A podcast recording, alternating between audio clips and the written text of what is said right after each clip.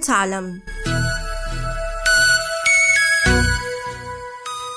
معي أنا سليمة لوبال.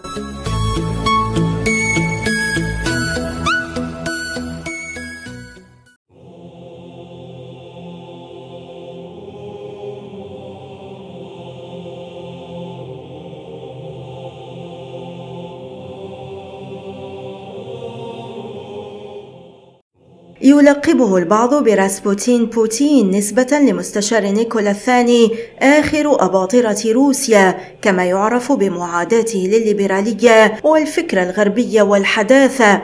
إنه الفيلسوف ألكسندر دوغين الذي رسم إلى حد كبير إيديولوجية الجيش الروسي والنخبة السياسية في موسكو وأثر بشكل مباشر على فلاديمير بوتين. لا يبدو العالم سوى مقبرة للنفايات السامة في نظر دوغين الذي ينتقد منذ ثلاثين عاما الغرب المعاصر بسبب ازدهار تجمعات المثليين وبروز أثرياء من أمثال روتشيلد وسوروس وبيل جيتس وزوكنبرغ. في كل مرة كان دوغين يتوقع بأن روسيا ستنسلخ عن هذا العالم لتعود إلى جذورها. في الواقع هذه هي خلاصة الفلسفة التي طورها وأطلق عليها اسم أوراسيزم من أجل نهضة روسيا.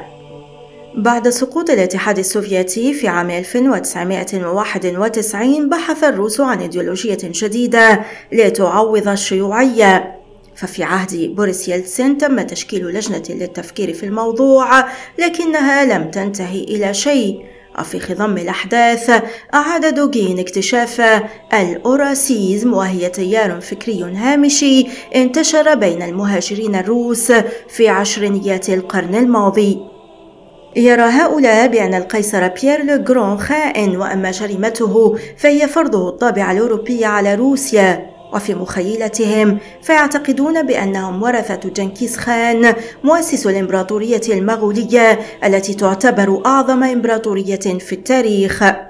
بدأ صدى هذه الفلسفة يتردد في روسيا في تسعينيات القرن الماضي حين أصبح دوغين رفيق درب المنشق السياسي والكاتب إدوارد ليمينوف وأسس معه حزب القوميين البلاشفة. لكن رحلة الرجلين معا سرعان ما توقفت إذ نشر ليمونوف لاحقا روايات وأصبح معارضا لبوتين بينما أسس دوغين مدرسة في الجيوبوليتيكا وذاع صيته بفضل كتبه وأشهرها أساسيات الجيوبوليتيكا الذي صدر في العام 1997 انتشرت فيما بعد أفكار دوغين في موسكو بين أفراد مجموعة سيلوفيكي وهم كبار رجال الدولة الذين يديرون الجيش وجهاز المخابرات والشرطة ليصبح مستشار النائب المحافظ جينيدي زيلينيف العام 1999 ثم سيرجي ناريشكين الذي تولى رئاسة إدارة الرئيس بوتين العام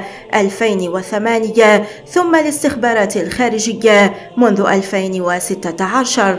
ونارشكين مثله مثل نخبة الكرملين مؤيد لإيديولوجية الأوراسيست ويدعو إلى وحدة الأرثوذكس والسلاف اكتسبت إيديولوجية دوغين شعبية واسعة منذ وصول بوتين إلى السلطة في عام 1999 كما لعب الفيلسوف دورا مهما إلى غاية ضم شبه جزيرة القرم في 2014 واليوم لا يعد دوغين مستشارا للرئيس بوتين مثله مثل باتريارك موسكو تيخون والمدير السابق لجهاز الأمن الفيدرالي الروسي نيكولاي باتروشيف الذي يعتبر كاتم أسرار سيد الكرملين ورجل الأعمال كونستانتين مالوفيف الذي يلقب بالأرثوذكسي الأوليغارشي وإنما هو موجود وحاضر إعلاميا بقوة وجزء من إيديولوجية هو من بعثها من جديد وأما أفكاره فتتجاوز حدود روسيا إذ افتتن بها الرئيس البرازيلي جاير بولسونارو واليمين المتطرف الفرنسي